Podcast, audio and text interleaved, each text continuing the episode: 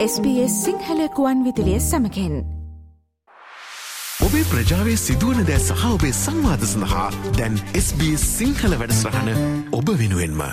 පසුගිය කාල වකවානුවේදී පැවති කොවිඩ් වසංගත තත්වය නිසා අපේ ජීවිත සෑහෙන වෙනස්කමකට ලක්වෙලා තිබුණේ. විශේෂෙන්ම කොවිඩ් ලොක්ඩවන් තත්වවලට අපි හසු වෙලා හිටිය අපේ ජීවිත වල යම් ක්‍රියාකාරකම් වෙනස් වෙලා තිබුණ අපේ රැකයා වෙනස් වෙලා තිබුණ අපි ඒක තැනකට කොටු වෙලා හිටිය.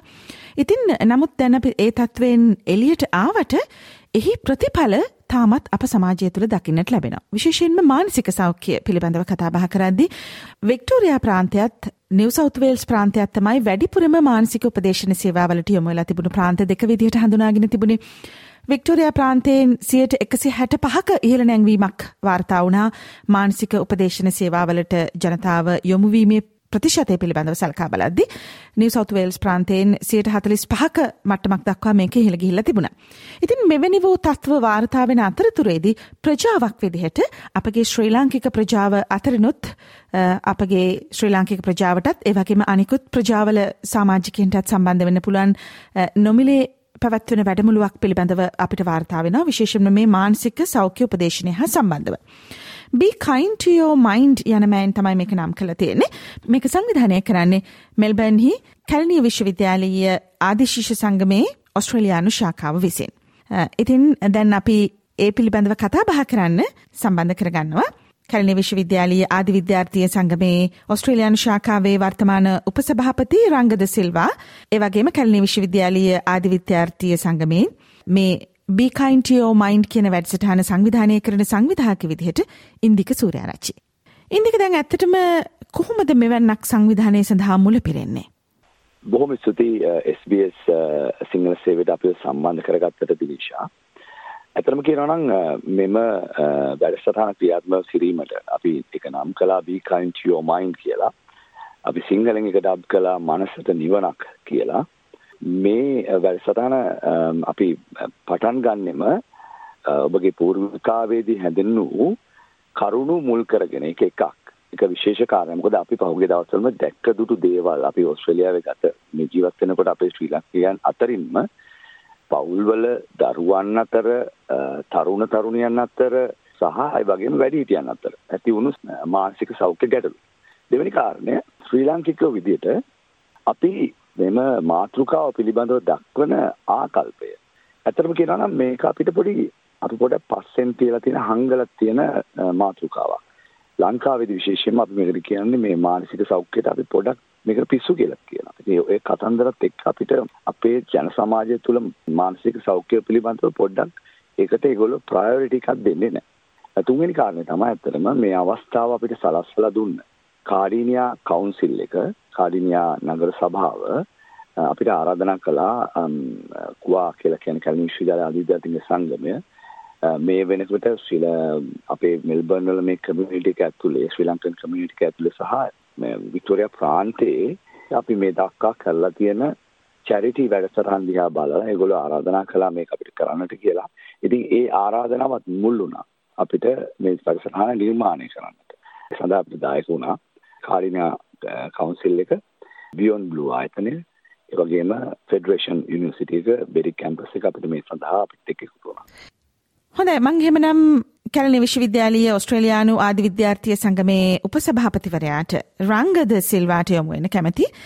රංග දැන් ඔබ දකින ආකාරයට අපේ සමාජයට මේ වගේ දේක අවශ්‍යතාවය කොයිතරම් ප්‍රබලව තියෙනවා කියලාද ඔබ සංගමය හඳුනාගෙන තියෙන්නේ. බොහොම ස්තුතියි දිනේශා මුලින්ම අපිට මේ අවස්ථාව ලබා දීම සම්බන්ධයෙන්.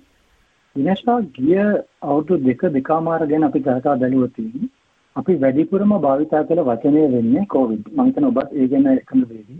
මේ කොවිඩ් කියන සාධකය අපි හැමෝටම දරුණුවට බලපෑවා. මේ බලපෑම ගැන කොච්චර තියෙනවා නම් මිලියන 6.5කට වඩා ජීවිත සංඛ්‍යාවක් අපිට නැති වුණා. ඒ වගේම ලෝක ආර්ථිකයට ඇතිවෙච්ච බලපෑම. අපේ පවුලට ඇතිවෙච්ච බලපෑම. ගොඩක් පිරිසකට මේ ලොක්ඩවුන් සීසන් එක තුළ රැකියාව නැති වුණා. ඒ වගේම අනිත් බලපෑම තමයි අපි ජීවන රටාවට ඇතිවෙච්ච බලපෑම. මුලින්ම මේ මේට පෙර අපි රැකියාවන් වලට උදේ ගිහිල්ලා හවස ආපහු එනවා. අපි විවිධ මිනිස්සුන්ව ඇසුරු කරනවා. මේ ක්‍රමය සම්පූර්ණයෙන් වෙනස් වුණා ඉතාමත් කෙටි කාලයක ඇතුළත. ඉතින් අපිට හිතා ගන්න පුළුවන් මිනිස්සුන්ගේ මනසට එහි ඇතිවෙච්ච බලපෑම මේ කෙටි කාලයක් ඇතුළත. මෙන්න මේ වස්තු බීජය පාදක කොටගෙන ඉන්ද කිව්වා වගේ අපි කැලණි විශ්වවිද්‍යාලයේ ආදි විද්‍යාර්ථීන්ගේ සංගමය ඕස්ට්‍රේලියාව හිතුවා කාඩිනියා ෂෙයා කවුන්සිල් එකත් සමග එකතු වෙලා මානසික සෞඛ්‍ය කියන මාතෘකාව පාදක කරගෙන අපේ සමාජයට යමක් දෙන්න ඕන කියලා. ඒ වගේම මෙල්බන් නුවර විශාල ශ්‍රී ලාංකීය පිරිසක් ඉන්නවා. මූලික වශයෙන් මේ අවස්ථාවට සහභාගී වෙන අතර ශ්‍රී ලාංකීය ජන සමාජය නියෝජනය කරගෙන එන පිරිස ඉතා වැඩි. ඉතින් ඔවුන්ට ඉතා මහඟු අවස්ථාවක් මේක මේ තමන්ගේ මේ කාලය තුළ ඇතිවෙච්ච ගැටලු ගැටලු වලට පිළිතුරු ඒකව ඒවට උත්තර ලබා ගන්න. ඉතින් මෙම අවස්ථාව ගැන අපිට කතා කරද්දී අපිට සම්පත්දායකත්වයේ ලබා දෙන විශේෂඥ වෛද්‍ය සුසිර ගල්පාය ගැන සඳහන් කරන්න ඕනේ. ඔහු විසින් එම දිනේදී අපිට සහයෝගය ලබා දෙවි මානසික සෞඛ්‍ය සම්බන්ධ ගැටලු වලට ඔබගේ පිළිතුරු ලබා දීම සම්බන්ධයෙන්. ඒ වගේම මම මතක් කරන්න ඕනේ බියොන්ඩ් බ්ලූ ආයතනය මේ බියොන්ඩ් බ්ලූ ආයතනය කියලා කියන්නේ ඕස්ට්‍රේලියාවේ මානසික සෞඛ්‍ය ආතතිය වගේ කාරණා අපි ඊට එහාගින්ද කතා කරොත් සියදිවි නාසා ගැනීම පවා ඇති වෙලා තිබුණත් ඒව සම්බන්ධ මිනිස්සුන්ගේ ප්‍රශ්න වලට පිළිතුරු දෙන ආයතනයක්. එම සියලු අත්දැකීම් සමුදාය රැස් කරගමින් එම ආයතනය නියෝජනය කරගමින් සයිමන් ෆ්ලෙමින් එම මහත්මයාත් මෙම අවස්ථාවට සහභාගී වෙනවා. ඒ වගේම දිනේශ මම කියන්න ඕනේ අපි මානසික සෞඛ්‍යය ගැන කතා කරද්දී සංගීතය කියන සාධකය අමතක කරන්න බෑ. අපේ විශේෂ ආරාධනය සේනක බටකොඩ කියන කලාවේදියා කලාශූරයෙන් ඔහු පැමිණෙන මේ අවස්ථාවට අපට මේ වැඩමුළුව වෙනත්ම ආරයක අත්දැකීමක් ලබා දීමේ වැඩමුළුවක් බවට පත් කිරීමට. ඒ වගේම මේ අවස්ථාව අපි ෆ්‍රී වර්ක්ෂොප් එකක් මේක නොමිලේ පවත්වන සායනයක් වැඩමුළුවක්. ඉතින් ඔබට ඒකට සහභාගී වෙන්න පුළුවන්. ඒ සහභාගී වෙලා ඔබට මෙහි යම් කිසි වාසියක් ලබා ගන්න පුළුවන්. මේක පැවැත්වෙන්නේ ෆෙඩරේෂන් යුනිවර්සිටි බෙරික් සන්ඩේ මේ කියන්නේ මේ ඉරිදා සැප්තැම්බර් මාස 11 වෙනිදා 2:30ට 6 දක්වා. ඉතින් සියලු දෙනාටම ඊටම ආදරෙන් ආරාධනා කර සිටිනවා එන්න මේ අවස්ථාවට මේ අත්දැකීම ලබා ගන්න. ඉතින් සියලු දෙනාටම ආරාධනා කරන බොහොම ස්තුතියි. ඉන්දික මේ තවදුරටත් මේක පැහැදිලි කර ගැනීම උදෙසා මම දැනගන්න කැමතියි එදාට වැඩසටහන් පෙළ ගැස්ම කොහොමද තියෙන්නේ කියලා දැන් යම් කිසි කෙනෙක් සම්බන්ධ වෙන්න කැමති නම් මොන වගේ දේවල්ද වැඩසටහනට ඇවිල්ලා ඒගොල්ලන්ට සහභාගී වෙන්න පුළුවන් සහ ලබා ගන්න පුළුවන්? විශේෂයෙන්ම අපේ රංග කළා වගේ විශේෂඥ වෛද්‍ය සුසිල් කල්පාය සමග එකතු වෙනවා තවත් වෛද්‍යවරයෙක් වෛද්‍ය ඊශ්වර විතාන මෙය යන්නේ පොඩි ඩිස්කෂන් ෆෝරම් එකක් විදිහට විශේෂඥ වෛද්‍යවරයෙක්ගෙන් දැනට තියෙන මානසික ආකුලතා පිළිබඳව ප්‍රශ්න කිරීමක් තුලින් යන මේ වැඩමුළුව ඊට පස්සේ ඕපන් වෙනවා සභාවට. ඒ අවස්ථාව ලබා ගන්නට පුළුවන් යම් කිසි ප්‍රශ්නයක් තියෙනවා නම් ඒ දෙපළටම කතා කරලා ඒ වෙලාවෙම උත්තර ලබා ගැනීමට. ඊට අමතරව බියොන්ඩ් බ්ලූ ආයතනයෙන් අපිට ගොඩාක් රිසෝර්සස් දීලා තියෙනවා මෙහිදී පාවිච්චි කරන්න. ඔඩියෝ විෂුවල් ආකාරයෙන් ඔබට වීඩියෝස් ආකාරයෙන් අපි ගොඩක් දේවල් එක්ස්ප්ලেইন කරනවා සරලව. අපේ අයට තේරෙන සාමාන්‍ය මිනිස්සෙක්ට තේරෙන විදිහට මේ මේම බොහොම කොම්ප්ලෙක්ස් මේ ටොපික් එක. විශේෂයෙන් මතක් කළා සේනක බඩගොඩ ශූරින් සහභාගී වෙනවා. පුංචි මියුසික් වැඩමුළුවක් වගේ වෙනවා. ඒක එතුමාගේ අන්ප්ලග් වර්ෂන් එකක් තියෙන්නේ. අපි ඒක ඉතාම ක්‍රියේටිව් විදිහට ලස්සනට සූදානම් කරලා තියෙනවා. ඉන් පස්සේ ආයත බියොන්ඩ් බ්ලූ ආයතනෙන් ඒගොල්ලන්ගේ ප්‍රසන්ටේෂන් එකක් තියෙනවා. විශේෂයෙන්ම තම අත්දැකීම් අනුසාරයෙන් වගේ.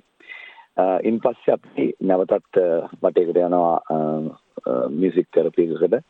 අවසානයේදී අපි සූදානම් කරලා තියෙනවා සවස තේපන් සංග්‍රහය. ඒ වගේම දිනේශ මතක් කරන්න ඕනේ මෙම වැඩසටහන පැවැත්වෙන්නේ ඉංග්‍රීසි භාෂාවෙන්.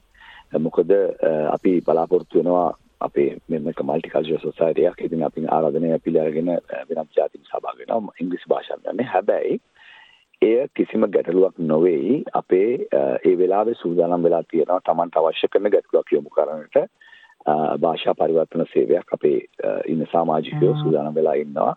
සිංහල භාෂාවෙන් තියෙන ප්‍රශ්නයක් ඉංග්‍රීසි භාෂාවෙන් අහලා ඒකට උත්තරේ සපයා දෙන්නට ඒ වගේ අවශ්‍යතාවයක් පැන නගුණොත් මං එහෙමනම් අවසාන වශයෙන් දැනගන්න කැමති රංග ඔබෙන්. දැන් යම් කිසි කෙනෙක් මේට සම්බන්ධ වෙන්න කැමති නම් කාවද සම්බන්ධ කරගන්න ඕනේ කලින් ලියාපදිංචි වෙන්න ඕනේද? මොකද ඒ සම්බන්ධව තියෙන තත්වය? ඔව් දිනේෂා. මේකට කලින් ලියාපදිංචි වෙන්නත් පුළුවනි. නැත්නම් අපිට අපි දැන් දෙන දුරකථන අංකයකට කතා කරලා ඔහුන්ට පුළුවන් සීට් එකක් බුක් කරගන්න. මම දුරකථන අංකය කියන්නම්. 04යි 79යි 19යි 03යි 05 මම නැවතත් අංකය කියන්නම් 04යි 79යි 19යි 03යි 05 මෙම අංකයට ඇමතුමක් ලබා දීගෙන ඔවුන්ට පුළුවන් මෙම වැඩමුළුව සඳහා සීට් එකක් බුක් කරගන්න දිනේෂා.